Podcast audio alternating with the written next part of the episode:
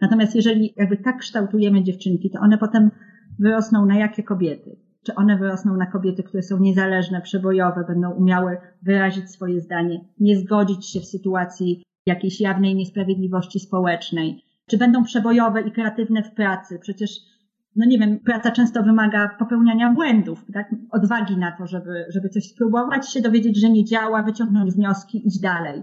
Tego wszystkiego nie damy dziewczynkom, jeżeli będziemy je sadzały w taki kaftan e, grzeczności, cichości, a w efekcie straci cały świat.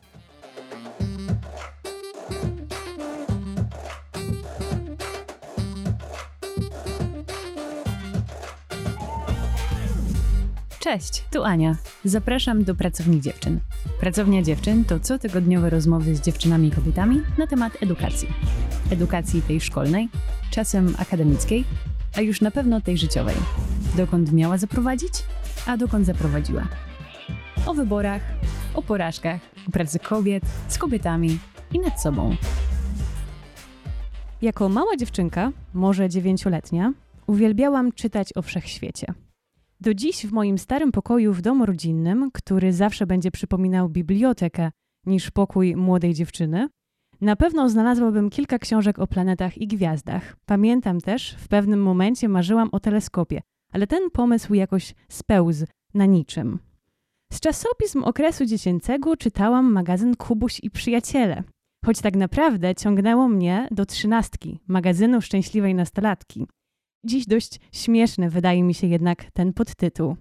Ale to dzięki temu miesięcznikowi później poznałam takie pisarki jak m.in. Meg Cabot, Jacqueline Wilson z jedną z moich ulubionych serii książek Dziewczyny i Ewę Nowak, których twórczość była dla mnie wsparciem w okresie dojrzewania, zabawą i genialną odskocznią od świata dorosłych, w który wpadłam chyba zbyt wcześnie. A moją idolką, no oczywiście, była Pipi Pończoszanka, która doskonale radziła sobie bez pomocy dorosłych. Ale oczywiście byłam też kolekcjonerką czasopisma Świat Wiedzy, no a jak przyszło do podchodzenia do egzaminów, to i przyszedł czas na Kogito. Mówię o tym wszystkim z dwóch powodów. Po pierwsze, myślę, że mogę nie być jedyną dziewczyną z takimi doświadczeniami prasowymi i może dobrze powiedzieć o nich na początku, tak, dla kontekstu. Po drugie i najważniejsze, ponieważ moją dzisiejszą rozmówczynią jest Joanna Czeczot, redaktorka naczelna dwumiesięcznika Kosmos dla dziewczynek, wydawanego przy fundacji o tej samej nazwie. Jako Fundacja Kosmos dla Dziewczynek wiemy, że dziewczynki mają moc do bycia tym, kim chcą, tylko trzeba pomóc im ją odkryć i wspierać, żeby dorastając jej nie traciły. Pokazujemy dziewczynkom wszechświat możliwości oraz to, jak mogą wykorzystać swoje moce. Pomagamy walczyć z ograniczającymi stereotypami. Poruszamy cały kosmos, żeby było to możliwe. Tak możecie przeczytać na stronie internetowej Fundacji. Joanna jest politolożką i dziennikarką. Ukończyła stosunki międzynarodowe na Uniwersytecie Warszawskim. Studiowała również w Warszawskiej Szkole Filmowej i na Państwowym Uniwersytecie w Sankt Petersburgu. Autorka książek m.in. Macierzyństwo non-fiction, Relacja z przewrotu domowego oraz Petersburg, Miasto snu, wydanych przez wydawnictwo Czarne. Laureatka Nagrody Fundacji imienia Kościelskich i finalistka Nagrody imienia Ryszarda Kapuścińskiego. Pisała m.in. do Gazety Wyborczej i Przekroju. Prywatnie mama. Joanno, bardzo miło mi Cię powitać w Pracowni Dziewczyn. Dzień dobry, mi też jest strasznie miło, że mogę się tu znaleźć. Dziękuję Ci za zaproszenie. Chciałabyś się odnieść do tego, co powiedziałam we wstępie, o tych impresjach z takich doświadczeń prasowych mojego dzieciństwa? Mogę się odnieść w ten sposób, że mam trochę inne doświadczenia, pewnie dlatego, że jestem trochę starsza od Ciebie. W moich czasach nie było magazynu Kubuś Puchatek, więc wychowałam się na piśmie Filipinka. Nie wiem, czy załapałaś się na ten y, miesięcznik. To było takie ważne pismo już dla dorastających dziewczynek, panienek, bardzo ambitne, ale też blisko ich życia, poruszające tematy też z dziedziny psychologii, ale też mówiące trochę o ciele. Więc wydaje mi się, że całe pokolenia dziewcząt w Polsce się na tej Filipince wychowały i żałują, że już jej nie ma. A pamiętasz jakieś takie swoje idolki? Czy sylwetki kobiet, dziewczyn, które faktycznie były dla ciebie jakąś inspiracją w dzieciństwie? Dla mnie ważna była Ronia, córka zbójnika. Ty przytoczyłaś Pipi Pończoszankę, więc ja też mam bohaterkę Astrid Lindgren i bardzo ceniłam taką jej niezależność, odwagę, ale też taką uczciwość w miłości. Ona była odważna i uczciwa w miłości i musiała się z tym bardzo zmagać, bo miała jakieś konflikty lojalnościowe. Pozostawała w tym wierna uczuciom. To było takie poruszające. Ja nie wiem, jak to u ciebie było z innymi książkami Astrid Lindgren, ale dla mnie Astrid Lindgren to jest bardzo duża część mojego dzieciństwa. Ja teraz y, myślę o Astrid Lindgren przez pryzmat moich dzieci. Ja rzeczywiście jakoś odnajduję wspólną przestrzeń z nimi w czytaniu. Czytamy razem strasznie dużo i ostatnio policzyliśmy, że przeczytaliśmy 27 książek Astrid Lindgren. I ona jest dla nas naprawdę taką po prostu towarzyszką życia codziennego. Mnóstwo wspólnych chwil spędziliśmy dzięki niej, więc to jest gigantka e, literatury dziecięcej, bardzo ważna postać. Nie wiem, czy twoje dzieci kojarzą tę historię, kiedy bohaterowie dzieci z ulicy awanturników Lotta wieszała naleśniki tak. jako liści na drzewie. To jest po prostu historia mojego dzieciństwa. Tak, jej brat mówił, uważaj, czy tam nie ma robaka, a ona odpowiadała, niech sobie robak sam uważa. Och, wspaniale. Jest z nami. I właśnie też, też miałyśmy taką diagnozę w, w gronie osób zakładających e, Fundację Kosmos dla Dziewczynek, że literatura dziecięca jest wielka i ma się świetnie, jest przebogata, natomiast prasa dziecięca, przynajmniej w Polsce, zaczęła bardzo kuleć. Dużo pism e, poupadało i właściwie zostały takie gazetki marketingowe, można to nazwać, kolorowe pisma, które są właściwie dodatkami do serii bajek czy serii zabawek, tłumaczone na zachodniej licencji, ale właśnie producentów filmowych i branży zabawkowej. To są w dużej mierze pisma pisane kiepskim językiem, właśnie tylko przetłumaczone dość byle jak i ten kontrast między bogactwem literatury dla dzieci i tą taką mizerią segmentu prasy dziecięcej był tak dojmujący, że poczułyśmy, że bardzo chcemy to zmienić i wydać pismo, które będzie po prostu magazynem dobrej jakości, będzie traktowało dzieci z szacunkiem, poważnie, a jednocześnie będzie im dawało no, to, co najlepsze mo można dać w standardach prasowych. I to była taka główna, rozumiem, motywacja stojąca za, za powstaniem tego, tego dwumiesięcznika, czyli kosmosu dla dziewczynek. Natomiast czy była też jakaś w tobie potrzeba, taka troszeczkę może prywatna, żeby się tym tematem zająć, nie tylko zapełnić lukę na, na rynku? No jasne. Moją potrzebą prywatną jest moja taka osobista grupa docelowa, jak ją nazywam, czyli moja córka, która ma obecnie lat 10 Mam też synka, który ma lat 7 i ja po prostu robię ten kosmos z myślą o nich. Też z myślą o innych dzieciach, dziewczynkach głównie, ale też chłopakach, których znam. I mm, po prostu chciałam im dać możliwość spotkania się z pięknym magazynem. Takie moje DNA jest dziennikarsko-reporterskie. Ja przez całe swoje dorosłe życie mm, pracowałam w mediach i wierzę, że, że media są potrzebne. To jest takie, teraz będzie takie credo idealistyczne wierzę, że dobra demokracja nie jest możliwa bez niezależnych, silnych mediów. I też czuję taką misję kształtowania przyszłych czytelników dobrej prasy. To znaczy wierzę, że jeżeli dzieci teraz będą dostawały gazetę, która będzie spełniała jakieś najwyższe standardy jakości, to też nauczy ich to obcowania w ogóle z prasą. No, wyrobi to w nich nawyk sięgania po dobre, niezależne czasopisma.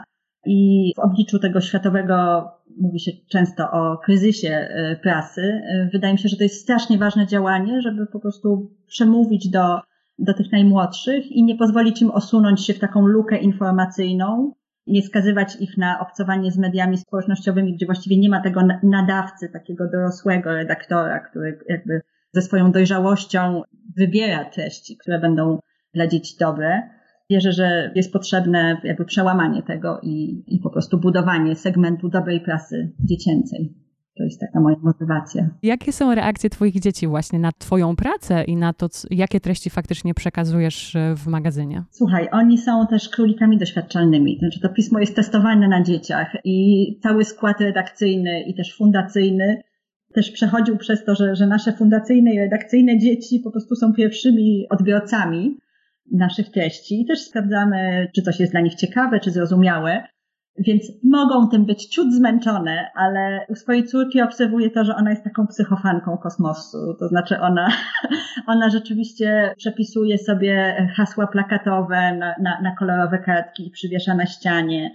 Korzysta z zawieszek e, na drzwi, które e, dołączyłyśmy do, do, do któregoś z numerów, typu mój pokój, moje zasady opowiada innym chichotki, czyli te żarty, które publikujemy na, na przedostatniej stronie. Odwołuje się też e, do, do bohaterek, o których piszemy. Także kosmos bardzo jest obecny w jej życiu i też obserwuję coś takiego, że jak przychodzą do nas koleżanki, to takim rytualnym momentem, koleżanki Helenki, mojej córki, to takim rytualnym momentem jest wyjmowanie wszystkich kosmosów. Mamy wszystkie numery oczywiście, ja na nich cały czas pracuję, to jest mój materiał roboczy, a nie wszystkie dziewczynki mają wszystkie numery, więc jest takie rytualne po prostu wyciąganie tego, odczytywanie się i nawet Helenka czasem mówi, ej, to siedzimy w kosmosach, czy będziemy się bawić?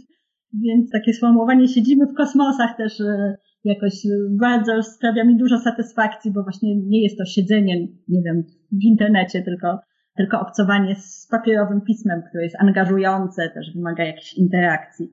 Natomiast w moim synku Leosiu kosmos początkowo, to trzeba powiedzieć uczciwie, budził zazdrość. To, że mama była przez wiele miesięcy zajęta czymś, co jest dla dziewczynek, było dla chłopca jakimś tematem, z którym musiał się zmierzyć znaczy jest o trzy lata młodszy od siostry, więc ja mu, ja mu też czytam te treści, jakby pomagam mu wejść w świat kosmosu. I wiele z nich jest dla niego fajnych, ale wiele też do niego nie trafia. Tak też jest zrobiony kosmos, tak? To jest, to jest, to jest takie bogate pismo, z których każdy może sobie wyciągnąć, co tam mu pasuje. A twoje dzieci myślą, że to jest takie cool, co mama robi? Tak. Ale super. Wiesz co, akurat to, to, o co pytasz, jest taką wynagradzającą bardzo częścią tej pracy naprawdę nie ma nic bardziej satysfakcjonującego niż pisanie do czytelnika, który ma taki żywy odbiór. Ja pamiętam, jak jeszcze zaczynałam robić kosmos, jak przychodziłam do szkoły Helenki po ją odebrać i na przykład podszeptywałam, że wiecie, w następnym numerze będzie wywiad jej koleżankom, będzie wywiad z tropicielką wilków, a one robiły takie Aaaa! były takie, że reagowały jak na, jak na koncercie rockowym i E, wiem, że Helenka czasem mówi, że jej koleżanki mówią, że to jest fajnie, twoja mama robi kosmos, Helenka bywa w redakcji, to też jest dla niej takie wynagradzające, także no to jest coś, co daje nam taką rodzinną frajdę. A jak ty byłaś w wieku swojej córki, to pamiętasz jakieś takie swoje pierwsze pomysły na to, kim chcesz być, jak dorośniesz? Pamiętam, że chciałam kiedyś zostać y, tancerką figurową na lodzie. To dlatego, że oglądaliśmy rodzinnie zawody taneczne na lodzie i zawsze sobie wyobrażałam, że to ja jestem tą panią w tych błyszczących, krótkich sukienkach.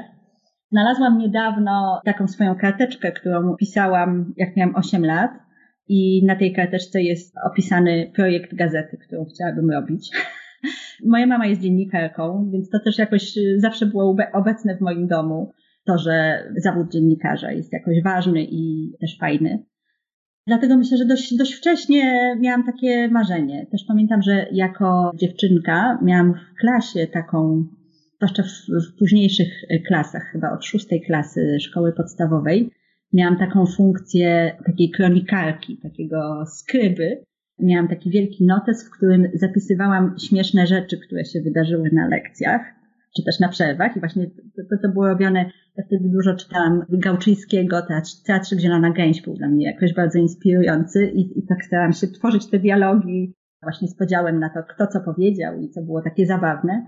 Pamiętam taką przerwę, na której jeden z kolegów zobaczył, co ja tam zapisuję i zaczął czytać na głos. I po prostu wszyscy się zebrali dookoła niego i się chichrali. I potem to weszło i się stało takim rytuałem, że ja spisuję te, te żarty, te śmieszne cytaty i i potem są one odczytywane. I ponieważ jakby wszyscy, którzy słuchali, byli bohaterami tych żartów, to jeszcze bardziej ich one bawiły, bo sobie byście przypominali te sytuacje. Więc pamiętam, że, że zawsze gdzieś była ze mną taka, może nie misja, ale taka, taka chęć no, bycia tym, kto spisuje, kto jakoś e, nazywa rzeczywistość i ją utrwala. No, a to doprowadziło do dziennikarstwa w efekcie. Tak e, z twojego domu rodzinnego, z wychowania, z tego, co twoi rodzice tobie mówili, czy, czy właśnie takich pierwszych twoich e, wrażeń, czy historii związanych z doświadczeniem szkoły, z chodzeniem do szkoły i tak dalej. Czy ty miałaś wrażenie, że faktycznie jest przed tobą taki kosmos możliwości, że możesz być kim chcesz? Czy powiedzmy, nie wiem, odczuwałaś tam jakąś presję, że jednak, no jako dziewczyna, to tutaj powinnaś w te kierunki iść bardziej? odczuwałam taką wielką wiarę mojej mamy w to, że mogę wszystko. I mama to zawsze mi tak eksplicite mówiła. Pamiętam, że bolesne było dla mnie potem, już jak byłam dorosła, bolesna była dla mnie taka konfrontacja ze świadomością, że jednak nie mogę wszystkiego, bo to jest takie dziecinne złudzenie omnipotencji, które było we mnie podsycane przez moją mamę. No natomiast potem nadchodzi, to, to oczywiście dodaje skrzydeł w pewnym momencie. Ja miałam cały czas mówione, że jestem świetna i to to też mi zrobiło coś takiego, że, że potem na przykład jak poszłam do liceum, gdzie ja byłam w bardzo fajnym, dobrym liceum, gdzie było w klasie były same, same zdolne, świetne osoby. I takie jakby zorientowanie się, że ja nie jestem taka wybitna, znaczy taka, taka świetna, jak mówi moja mama, bo właściwie wszyscy tutaj są równie wspaniali. To był taki mój początek dojrzewania, które w moim przypadku było też uświadomieniem sobie, że hej, nie mogę wszystkiego.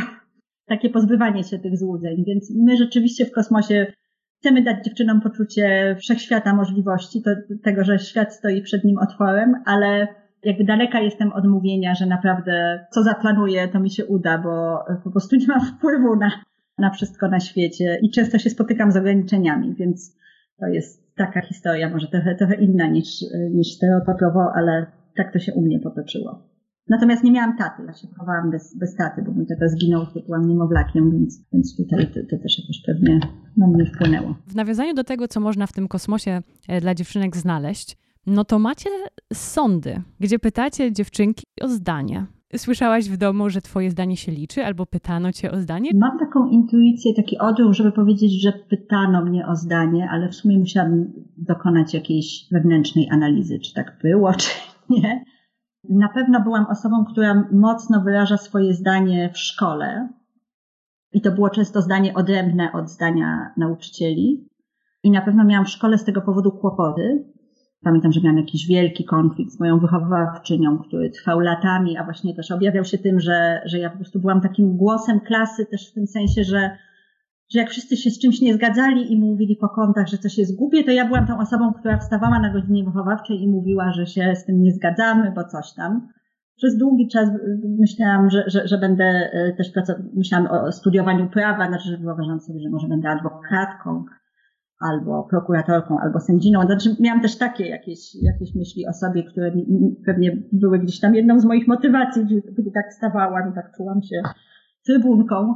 Ponieważ też byłam bardzo wtedy niedojrzała i byłam taką głupią kozą, to to często były jakieś e, pyskówki, znaczy nie, nie wiem jak teraz jako już dorosła pani bym się odniosła do siebie jako małej dziewczynki, która właśnie się stawia nauczycielom, bo E, bo tak, ale na pewno zawsze czułam, że to jest ważne, żeby, żeby się nie zgodzić, jak się nie zgadzam, żeby o tym powiedzieć. I co też chyba ważne, zawsze czułam, że będę miała w tym wsparcie mojej mamy. To znaczy, że jeżeli dojdzie do jakiejś afery i mama będzie wezwana do szkoły, to ona stanie po mojej stronie. I myślę, że to mnie tak bardzo wzmacniało, że ja czułam, że, że mam takie, takie gdzieś plecy za sobą, co, co dawało mi siłę, żeby się wypowiedzieć. Więc tak to było, chociaż y, nie daję głowy, czy to nie były jakieś y, dziecinne kłótnie, ale to może nie ma co oceniać z perspektywy lat 40, y, jakie mam siebie w wieku lat kilku. Taka byłam. Kilku czy, czy małych kilka, kilkunastu. Wspomniałaś o tym stawianiu się e, nauczycielą, nauczycielką. Chciałam zapytać o tą postawę wyuczonej bezradności, o której jest napisane na stronie Fundacji Kosmos dla Dziewczynek. Tutaj przytoczę Cytat faktycznie ze strony, żeby wszyscy wiedzieli e, o co chodzi. Polscy nauczyciele przypisują dziewczynkom i chłopcom bardzo stereotypowe cechy. Chłopców postrzegają jako inteligentnych, odważnych, a dziewczynki jako pracowite i posłuszne. W efekcie dziewczynki częściej niż chłopcy prezentują w środowisku szkolnym postawę wyuczonej bezradności. Możesz mi powiedzieć kilka słów faktycznie, co rozumiemy, jak mówimy o takiej postawie i czy ona tylko występuje w środowisku szkolnym, czy ona się później przenosi na jakieś, mm, może nie później, ale się po prostu przenosi na inne sfery życia, albo daje o sobie znać później? Tak, to jest takie oczekiwanie od y, dziewczynek, żeby były, użyję słowa, z którym walczymy jako Fundacja Kosmos dla Dziewczynek, aby były grzeczne. To jest słowo wytych, które kryje w sobie różne pojęcia, wiele z nich to takie pojęcia pułapki. Grzeczna, czyli jaka? Pytałyśmy w trzynastym numerze Kosmosu dla dziewczynek. Zachęcając dziewczynki, żeby, kiedy słyszą, że, że mają być grzeczne albo że są grzeczne, żeby po prostu zadały sobie pytania, co to oznacza. Grzeczna, czyli jaka? Jeżeli grzeczna oznacza, że jest kulturalna, szanuje innych, używa zwrotów dzień dobry, dziękuję, proszę, okej. Okay. Natomiast jeżeli grzeczna ma oznaczać, że jest cicha, że się nigdy nie złości, że jest zawsze miła i się uśmiecha, że jest posłuszna, to e, z takimi wymaganiami stawianymi wobec dziewczynki, ja i my jako fundacja, znaczy bardzo się nie zgadzamy. Bo to są takie oczekiwania, które zakładają, że, że właśnie dziewczynka no jakoś skoczyć we wzorzec takiej niekłopotliwej, cichej, spolegliwej osoby, która właśnie nie, nie sprawia problemów. Chłopcy to się pobiją na korytarzu, a dziewczynki właśnie mają, mają stać z boku i, i posprzątać po innych. Oczywiście jakby wyobrażam sobie, że w systemie szkolnym, kiedy dużo dzieci na lekcji, to taka cicha myszka nie sprawia problemów i jest to wygodne dla nauczyciela. I wiem też, że posłuszeństwo też jako cecha jest teraz promowane przez szkolny system edukacji w Polsce i to jest bardzo złe, moim zdaniem. Natomiast jeżeli jakby tak kształtujemy dziewczynki, to one potem wyrosną na jakie kobiety? Czy one wyrosną na kobiety, które są niezależne, przebojowe, będą umiały wyrazić swoje zdanie, nie zgodzić się w sytuacji jakiejś jawnej niesprawiedliwości społecznej? Czy będą przebojowe i kreatywne w pracy? Przecież no nie wiem, praca często wymaga popełniania błędów, tak? odwagi na to, żeby, żeby coś spróbować, się dowiedzieć, że nie działa, wyciągnąć wnioski, iść dalej. Tego wszystkiego nie damy dziewczynkom, jeżeli będziemy je sadzały w taki kaftan e, grzeczności, cichości, a w efekcie straci cały świat. Ja jestem naprawdę porażona statystykami i to też było jednym z motywów założenia Fundacji Kosmos dla Dziewczynek, statystykami, które cały czas pokazują po prostu gigantyczne luki w reprezentacji kobiet i mężczyzn e, na takich najwyższych, najbardziej wpływowych szczeblach we wszystkich dziedzinach życia. Czy to w polityce, tak, odsetek kobiet, tam nie wiem, w Parlamencie Europejskim 35%, to jest jakby rekord światowy. To nie jest pół na pół. Polsce to jest chyba 24% w wielkim biznesie, tak, średnio 12% kobiet w zarządach y, wielkich spółek. W nauce, tak, 20% kobiet to, to profesorki, tylko 20%. Przecież dziewczynki nie są głupsze, prawda, od, od, od chłopców, jak idą do szkoły.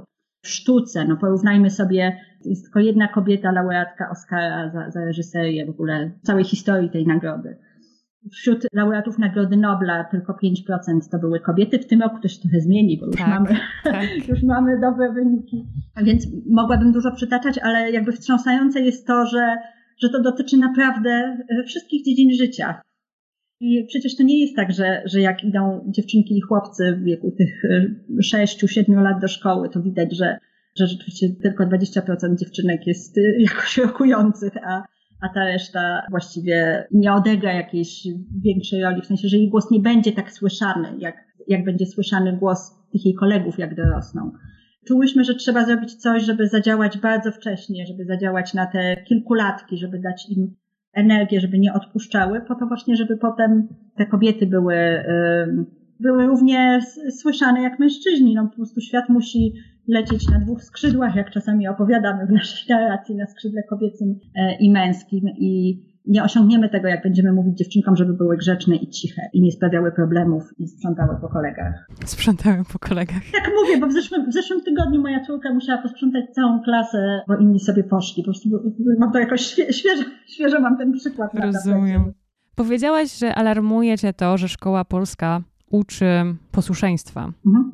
W kontekście dziewczynek, czego szkoła powinna uczyć, żeby faktycznie wesprzeć tą, tą misję fundacji, czyli wsparcie dziewczyn w dorastaniu i, i te, i nie chcę powiedzieć walkę, ale przeciwstawianie się tym stereotypom. Co powinno być w szkole, co dziewczyny powinny z tej szkoły wynieść, wyciągnąć? Wiesz ja myślę, że ważne są dwie rzeczy. Jedna rzecz to takie poczucie własnej wartości, czyli to, żeby dziewczyny wierzyły w to, że ich głos, ich potrzeby, ich talenty są warte tego, żeby, żeby wybrzmiały. A druga rzecz to jest, i to dotyczy i chłopców i dziewczynek, właściwie to o czym mówię. Druga rzecz to jest wewnętrzna motywacja. To jest dla mnie coś szalenie istotnego w procesie edukacji, ale też potem w życiu, czyli żeby, żeby, żeby wyniosły taką chęć robienia rzeczy ze środka, tak? To znaczy robienia rzeczy, które są zgodne z ich, e, właśnie z ich chceniem, z ich wewnętrzną motywacją, że, żeby nie robiły czegoś dla nagrody, dla, dla pensji, dla, e, dla stopnia, dla pochwały prezesa, tylko żeby, żeby robiły, realizowały swoją pracę, swoje pasje w zgodzie z sobą, co, co pragną robić. Myślę, że to jest też taki klucz do szczęśliwego życia, więc jeden z pewnie. A ty gdzieś na swojej drodze, kiedy faktycznie na przykład, nie wiem, miałaś takie momenty, że zastanawiałaś się faktycznie, co chcesz robić, albo że nie mogłaś znaleźć tej wewnętrznej motywacji, gdzieś byłaś na rozdrożu i tak dalej. Czy spotkałaś gdzieś na tej swojej drodze w tych momentach mentorki, czy jakieś, e, czy nauczycielki, które cię jakoś poprowadziły albo się zatrzymały i zapytały i, i, i wiesz, i może cię jakoś tak ukierunkowały, czy pomogły ci po prostu nawigować ten cięższy moment, czy moment zawahania? Tak, myślę, że miałam takie momenty. Miałam duży, y, duży taki kryzys, czy moment właśnie nie, zawahania, kim chcę być y, po studiach, y, przepraszam, nie, nie po studiach, tylko po, po maturze, kiedy nie dostałam się na studia, ja zdawałam na Akademię Sztuk Pięknych, bo wyobrażałam sobie, że będę scenografką teatralną. Nie dostałam się na, na tę Akademię Sztuk Pięknych i wtedy miałam taki moment zupełnego poczucia pustki i też takiego zawahania, że to w takim razie co ja, co ja mogę robić.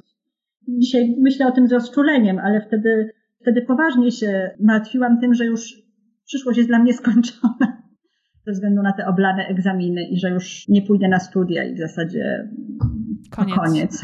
Po, po, poważnie o tym myślałam.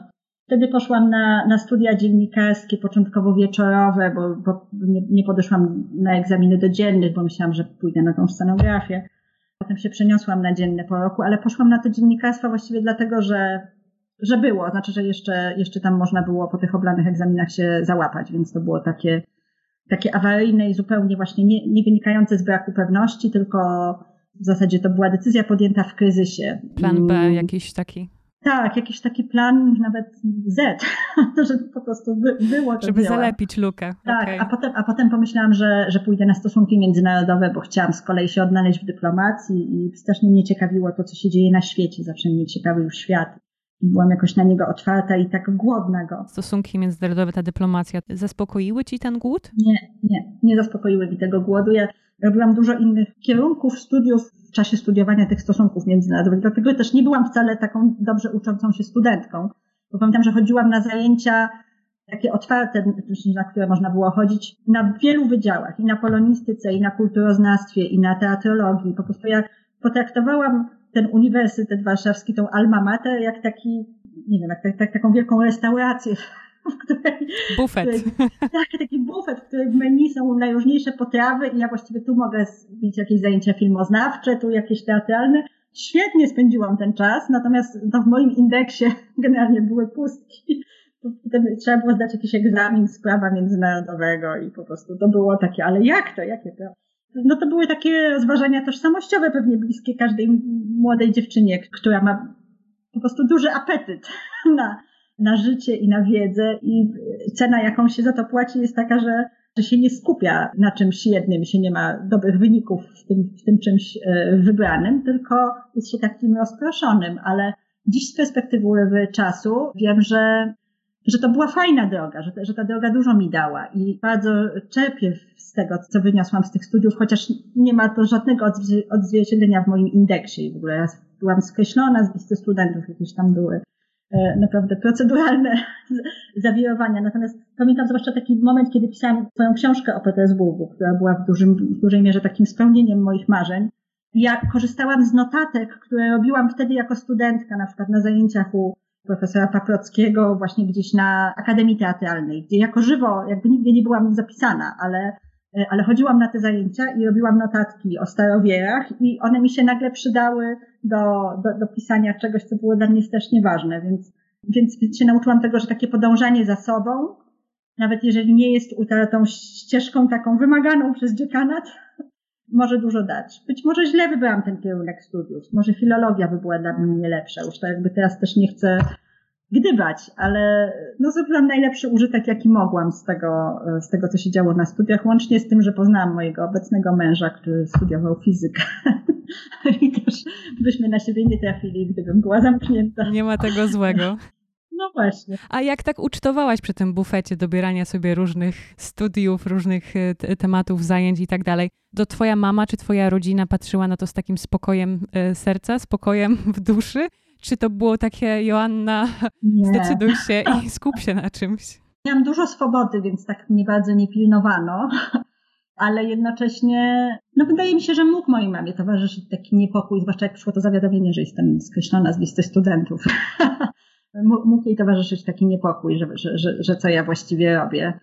Ale też wtedy byłam tak, w takim wieku, że się tym nie przejmowałam za bardzo. Znaczy, że, że już miałam dużą niezależność jakoś w głowie, więc nic nie było w stanie mnie zatrzymać. A ta warszawska filmówka to scenografia? Wiesz co? Nie, nie, nie, nie. To, to już była dużo późniejsza historia, po tym jak napisałam swoją pierwszą książkę Macierzyństwo Non-Fiction. E, wydawnictwo Czarne napisało do mnie, że Warszawska Szkoła Filmowa organizuje takie studia dla, dla osób piszących, dla profesjonalistów, które są taką formą stypendium tej szkoły, to znaczy zależało Warszawskiej Szkole Filmowej, żeby nauczyć pisania scenariuszy osób, które już umieją pisać. Myślę, że to jest taka część jakby działalności misyjnej z kolei Warszawskiej Szkoły Filmowej, że oni mówili nam dużo o tym i, i, i wierzę, że, że mówili to szczerze, że, że w Polsce kuleje scenariusz filmowy. Znaczy, że, że, że to jest coś, nad czym warto popracować, że potrzeba jest nowych osób, które, które piszą e, scenariusze. W związku z czym zorganizowali takie studia dla, dla osób piszących, żeby wyłowić te talenty. Skończyłam te studia, ale nie okazałam się tym talentem, więc przeciwnie, nauczyłam się ważnej rzeczy o sobie, że nie umiem wymyślać. To jest bardzo ważna nauka, którą wyniosłam ze studiów w Warszawskiej Szkole Filmowej. Żeby napisać scenariusz filmowy, trzeba wymyślić dialogi, sceny, sytuacje. Ja jestem reporterką, jestem, mam dziennikarskie DNA. Ja mogę opisać ci, co się wydarzyło. Jak, tak, jak jestem tą uczennicą, to mogę spisać śmieszne historyjki. Jak jadę na reportaż, to mogę ci świetnie opisać, co widzę, co słyszę. Natomiast nie umiem ci tego wymyślić. I to czyni mnie zupełnie bezużyteczną jako, jako autorkę scenariuszy. No ale to też jest jakaś ważna nauka, która do mnie przyszła. To jest ciekawe, że, czasami jakby wynosimy zupełnie inne e, owoce niż z, różnych zdarzeń, niż by się wydawało. Też nauczyłam się wtedy wiele o konstruowaniu narracji. Okazuje się, że, że konstruowanie właśnie takiej fikcyjnej narracji fabularnej rządzi się prawami, które też dobrze się spisują, jak się e, tworzy reportaż. Znaczy można mieć te same zasady i czy też jakieś, jakieś prawidła i po prostu tak poprowadzić e, tę opowieść, żeby ona była dynamiczna jak, e, jak dobra fabuła. W kosmosie też ci to pomaga? Takie właśnie lekcje stamtąd wyciągnięte? Kosmos jest czymś innym. Kosmos jest z kolei taką szkołą odpowiedzialności za słowo i szkołą lapidarności, której nigdy nie miałam i muszę się uczyć w mozole. My piszemy w kosmosie dla dzieci, które nie muszą mieć e, zmysłu krytycznego myślenia, krytycznego czytania tekstów. Nawet z założenia go nie mają. E, I to jest ogromna odpowiedzialność za słowo, żeby taki, podać im tekst, taki, który będzie dla nich nieszkodliwy, wiesz, który będzie zrozumiały, a jednocześnie czegoś nie skłamie, nie poda jakiejś wykrzywionej wizji świata. Myślę, że to jest takie wyzwanie, które mnie, które nas w redakcji Kosmos dla dziewczynek w ogóle podnieca do działania na, na co dzień, że to tutaj nie ma jakichś łatwych schematów i tutaj trzeba się bardzo pilnować, bo mówimy do dziewczynek, które z kolei do nas piszą listy i też rozmawiamy z nimi i słyszymy, że te nasze słowa w nich zapadają. To znaczy, wiesz, to jest tak, że, że one to biorą, co my im dajemy i biorą to bezkrytycznie, więc musimy bardzo uważać na to, co im podajemy i w jaki sposób. A zupełnie inaczej, jak ktoś by czytał twój artykuł w Przekroju czy w Gazecie Wyborczej. Dokładnie. I ja się nauczyłam, że jakby dużo łatwiej jest napisać artykuł, nie wiem, na 10 tysięcy znaków do Przekroju, czy tam do jakiegoś tygodnika o tym, nie wiem, co to jest państwo, niż napisać tekst na tysiąc znaków do dzieci o tym, co to znaczy być obywatelką. No, bo dłuższego tekstu ci nie przeczyta to dziecko, tak? Już ci odleci. My też robimy badania fokusowe na, na dzieciach, nie tylko na swoich. Widzimy, że, że dłuższe teksty są dla nich nie do przebnięcia, więc masz bardzo mało miejsca, bardzo ważne rzeczy do powiedzenia, więc musisz to dobrze zrozumieć i przemyśleć, co im chcesz powiedzieć. To jest frajda i wyzwanie. Czy mogłabyś wymienić kilka faktycznie takich stereotypów, z którymi młode dziewczyny się spotykają i którymi też może się starsze dziewczyny kiedyś spotkały, ale nie wiedziały, że to jest może jakieś takie ograniczające i dopiero może teraz to zauważają. Trudno mi odpowiedzieć to pytanie, dlatego że chciałabym mieć jakieś badania w ręku, które by mi pozwoliły opierać się na, na jakichś konkretnych wynikach, a nie mówić tylko o moich odczuciach. Ponieważ nie mam takich badań, to, to proszę nie traktować moich słów jako jakiejś prawdy objawionej. Są takie sformułowania jak na przykład jesteś pilna, jesteś staranna. Takie sformułowania, które jakby pokazują, że, że jeżeli dziewczynka coś wypracuje, to to jest owoc jej takiej skrupulatności i pilności. Natomiast chłopcy częściej słyszą, jesteś błyskotliwy, jesteś bardzo zdolny.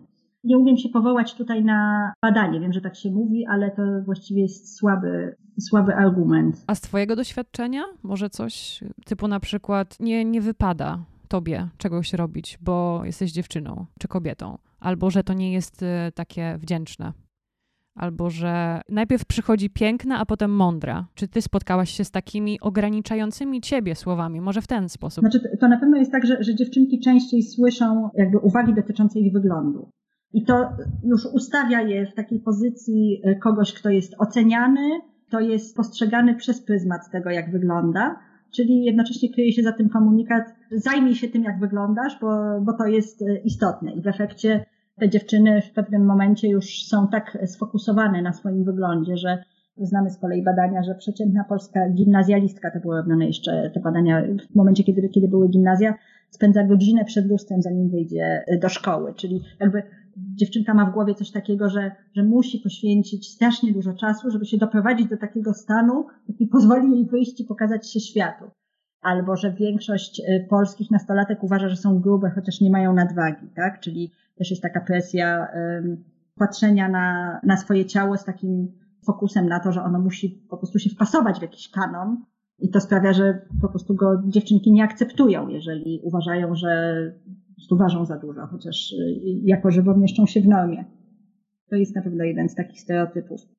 Pytasz mnie o mnie, czy ja słyszałam coś takiego. Na pewno słyszałam, że mam być grzeczna. Wracam do tej grzeczności, bo ona jest bardzo pojemna. No i ona ustawia rzeczywiście dziewczynki w roli takich pokornych osób, które spełniają oczekiwania innych. A jesteś w stanie powiedzieć coś na temat na przykład, czy jest jakaś różnica między tym, co słyszą Polki, młode Polki, niż gdzieś indziej, na przykład na zachodzie, czy w innym kraju po prostu, czy na wschodzie, e, czy, czy coś, co jest faktycznie może takie szczególne dla wychowania i dla szkoły tutaj? Nie, wiesz co, też nie wiem, nie umiem ci powiedzieć, yy, bo to wymagałoby porównania, jak to wygląda w, innych, w przypadku innych narodowości, a po prostu nie, nie chcę rzucać takich, wiesz, jakichś diagnoz nie, nie, nie, nie, znając żadnych takich tekstów. Ja tylko słyszę o matce Polce, też szczególnie tu od dziewczyn różnych, że stereotyp matki Polki właśnie, nie? Czy mit matki Polki? Stereotyp, znaczy mit matki Polki jest bardzo silnym mitem. Nie, nie wiem dokładnie, co kryje w sobie na przykład mit matki Czeszki, czy, czy matki Niemki. Natomiast y, jest to taki model takiego poświęcenia się na ołtarzu rodziny, takiej kobiety, która, mm, dla której opieka nad dziećmi jest, jest najważniejsza. I teraz jakby nie chcę powiedzieć, że to jest coś złego, że, że opieka nad dziećmi jest, jest mm, bardzo ważna dla matki, ale w tym też niestety w tym micie się zawiera taka podejrzliwość wobec kobiet, które realizują się jakby obok tego wychowania dzieci, czyli że, że, że występują w innej roli, co mo, może budzić podejrzenie, że w związku z tym tej roli takiej prymarnej, czyli tej bycia matką, nie są wystarczająco dobre, tak? Nie, nie dają całych siebie i to już, to już jest źle widziane. Więc fak, faktycznie z, z tym mitem e, matki Polki jakoś e, walczyłam, zmagałam się, e, gdy sama zostałam mamą i owocem była ta książka Macierzyństwa Non-Fiction, która z kolei relacjonuje z jakimi wielkimi frustracjami może się wiązać wejście w macierzyństwo, w ogóle uczenie się tej, tej roli macierzyńskiej w sytuacji, kiedy jest ona obudowana właśnie znowu tyloma oczekiwaniami, tyloma obostrzeniami, taką wielką krytyką, jak krytyczni są ludzie w stosunku do młodych matek, to jest po prostu jakieś, jakieś zatrważające. To znaczy łatwość, z jaką możemy powiedzieć, że ktoś jest złą matką, bo dziecko bez czapeczki albo y, nie zjadło tego jedzenia zamiast tego. Znaczy to jest to jest aż wstrząsające, jakby jak, jak, jak ludzie nie mają w ogóle ograniczeń, żeby ferować wyroki i żeby jakby postawić tą matkę w pozycji takiej oskarżonej. Nie, jest to wspierające. Oczywiście ja, ja, teraz uogólniam. Jasne, że się, że się też zdarzają, jak, że, że jest mnóstwo inicjatyw, ale też takich jednostkowych przykładów na to, że, że można być wspierającym wobec, wobec młodych matek, ale mówimy tutaj o jakimś, o jakimś micie, o jakimś takim mm, ogólnym modelu, który, który funkcjonuje w społeczeństwie. I jest trudny dla dziewczyn.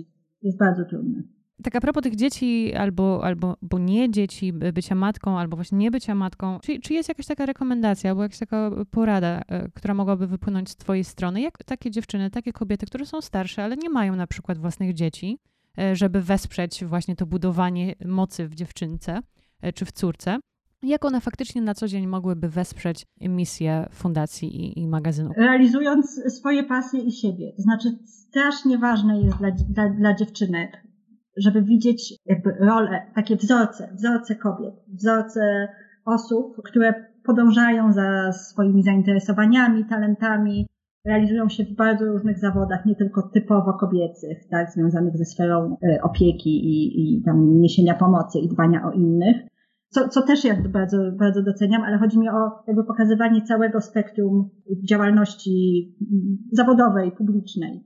To jest po prostu bezcenne dla dzieci, nie tylko dla, dla, dla dziewczynek, ale też głównie dla nich, żeby zobaczyć, że, że może być kobieta programistka, inżynierka, nie wiem, dyrektorka, że, że można po prostu być spełnioną osobą i jakby swoim przykładem, tym, że się idzie przez życie z energią, bez, bez jakiejś cierpiętniczej postawy, swoim przykładem dawać świadectwo, że, że to jest możliwa droga i dobra droga dla, dla tych dzieci, tak? Dla, dla tych dziewczyn, że, że jeżeli y, dziewczynki stykają się tylko z kobietami, które nie wiem, pracują w jakimś jednym sektorze, na przykład w szkole są głównie nauczycielki, jest mało nauczycieli, a na wywiadówki chodzą głównie mamy, tak, i zajmują się sprawami szkolnymi, jest na wywiadówkach mało tatusiów, to te dzieci dostają e, taki przekaz, że zajmowanie się dziećmi to jest sprawa kobiet po prostu. I to też będzie jakby wynagradzające oczywiście dla, dla mężczyzn, jeżeli oni zostaną dopuszczeni do tych zawodów, które też są bardzo jakby wynagradzające i do tych zajęć związanych e, z opieką nad dziećmi, z, z tatowaniem. Im, Im więcej taka dziewczynka spotka na swojej drodze kobiet, które naprawdę nie, nie, nie muszą mieć dzieci, absolutnie to nie jest jakaś jedyna słuszna droga naszej ludzkości, ale im więcej spotkają takich kobiet, które realizują siebie, swoje pasje, tym więcej dostaną sygnałów, że mo mogę tak żyć, żeby realizować siebie swoje pasje, nie, nie rezygnować, nie zamykać się w jednym utartym schemacie, że trzeba to, to i tamto, bo tak robiła matka, babka i prababka. Tego nie widać, ale wiel... ja, ja kiwam głową. Tak, tak. To jest, to jest super, naprawdę, to jest super ważne, żeby widzieć wokół siebie kobiety młode, spełnione, zaradne. To po prostu najważniejsze, co możemy dać dzieciom. Czy chciałabyś się podzielić refleksją, która może być pomocna dla dziewczyn, które wybierają, czy wchodzą na takie podobne ścieżki zawodowe, edukacyjne do Twoich? Na przykład dla młodych dziennikarek. Mam taką radę, żeby podążać za swoją ciekawością. Wydaje mi się, że to jest, że to jest zawsze cenne, bo kiedy to, co robimy, tak wypływa z nas i jest prawdziwe, jest odpowiedzią na jakąś autentyczną właśnie ciekawość, to wtedy to jest dobre wtedy czytelnik, słuchacz, e, odbiorca to zrozumie, znaczy wyczuje to i, i za tym podąży. Taka szczerość, ciekawość w dzieleniu się pasją.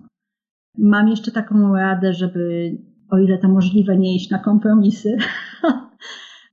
Rzeczywiście dużo się mówi o, o kryzysie dziennikarstwa i ja wiem, jak to wygląda. Ja przeszłam przez maszynkę do mielenia w postaci y, działu miejskiego w, Gazecie Wyborczej, która mnie nauczyła warsztatu, więc bardzo ją cenię, ale jednocześnie mnie wyżeła. Każdy, kto pracował w dziale miejskim na etat, ten wie, o czym mówię.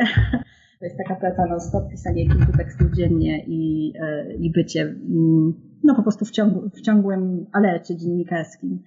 Więc jakby wiem, wiem że, że dużo się mówi o tym, że, że teraz no jest ten prymat klikalności, że, że stawki dla freelancerów są głodowe, że, że w związku z tym jakby nie można na, przykład napisać dużego reportażu, który wymaga pojechania gdzieś rozmowy z, tam z, kil, z kilkoma osobami czy, czy kilkunastoma, e, więc robi się jakiś research z zabiórka, więc siłą rzeczy jest to odtwórcze.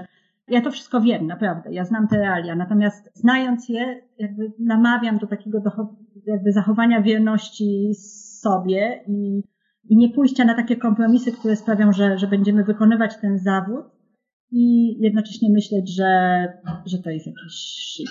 Strasznie ważne jest, żeby, żeby dbać o takie swoje poczucie, że się robi coś dobrego. Podążać za swoją ciekawością i nie dać się właśnie wpędzić w takie, jakieś kolejne, bo się po prostu wypalimy. To, to nie ma sensu. I na koniec, czy chciałabyś coś zasugerować, czy polecić dziewczynom, nie tylko tym, które myślą o karierze czy, czy drodze w dziennikarstwie, natomiast y, wszystkim dziewczynom coś do kanonu lektur, ale to nie musi być książka. To może być cokolwiek, co jakoś sprawiło, że się zatrzymałaś albo się czegoś nauczyłaś. Ja bardzo, bardzo kocham reportaże literackie i polecam wszystkim, też tym, którzy ją znają, żeby, do niej wracali. Polecam Swietłanę Aleksiejewicz. białoruską noblistkę, wielką pisarkę, która tworzy swoje dzieła z wypowiedzi innych osób. I to jest też taka, taka piękna praca zbierania głosów, też w dużej części głosów kobiet i jakby nadawania im rangi utworu literackiego, też takiego chóru, który mówi o, o rzeczach takich oficjalnie pomijanych w narracji historycznej, o tym, jak, czym była druga wojna światowa na przykład, albo, albo czym, czym była transformacja Związku Radzieckiego. Więc to nawet nie chodzi o, o tę historię, tylko chodzi o, o takie popatrzenie na głosy kobiet, jak na po prostu bardzo ważne elementy tego, co się dzieje na świecie, bo często są to głosy po prostu niesłyszane czy pomijane. Historia jest sprowadzana do jakiejś męskiej kroniki z bitew i, z, i zwycięstw i władców w garniturach i z siwym wąsem. Polecam Swietłana Aleksiewicz. Joanna Czeczot. Joanno, dziękuję Ci serdecznie za rozmowę. Bardzo dziękuję i wszystkim dziękuję za słuchanie. A ja zapraszam Was na stronę fundacji magazynu Kosmos dla Dziewczynek, to jest www.kosmosdladziewczynek.pl, gdzie więcej o fundacji, informacje jak można wesprzeć jej pracę i wszystko o prenumeracie Kosmosu dla Dziewczynek. Rodzice mogą też zajrzeć na stronę www.kosmosdladorosłych.pl, gdzie znajdą ciekawe artykuły, m.in. z podpowiedziami, co zrobić, gdy Twoja córka mówi, że musi się odchudzać, czy jak wesprzeć dziecko w radzeniu sobie z opiniami innych na swój temat. No i przyszedł ten moment. Fanfary i oklaski. W tym momencie pierwszy sezon Pracowni Dziewczyn dobiega końca. Kiedy ty słuchasz tych słów, ja pracuję już nad kolejnymi odcinkami. Ba, pierwsze nagrania kolejnych rozmów mam już za sobą. Nie mam słów, aby wyrazić e, moją wdzięczność za wszystkie wiadomości, komentarze i dzielenie się pracownią z innymi dziewczynami. Reakcja na, na pracownię, na, na odcinki, na rozmowy z dziewczynami w podcaście po prostu przeszła moje najśmielsze oczekiwania. Dziękuję Ci bardzo i mam nadzieję, że spotkamy się i usłyszymy się w kolejnym e, sezonie pracowni. I jeszcze niespodzianka przygotowaniu mam jeszcze jeden bonusowy odcinek e, do pierwszego sezonu, który należy do pierwszego sezonu, a który planuję opublikować przed świętami. Więc e, bacznie obserwuj instagramowy profil pracowni i swoją podcastową aplikację w telefonie, bo ja jeszcze sama nie wiem, kiedy e, chciałabym go opublikować. A jest to, jest to taki dość szczególny, myślę, odcinek i chciałabym, żeby jeszcze on w pierwszym sezonie ujrzał światło dzienne, czy dosięgnął waszych uszu, a nie w nowym roku. No cóż, nowy sezon pracowni ruszy 7 stycznia. Mam nadzieję, że do usłyszenia.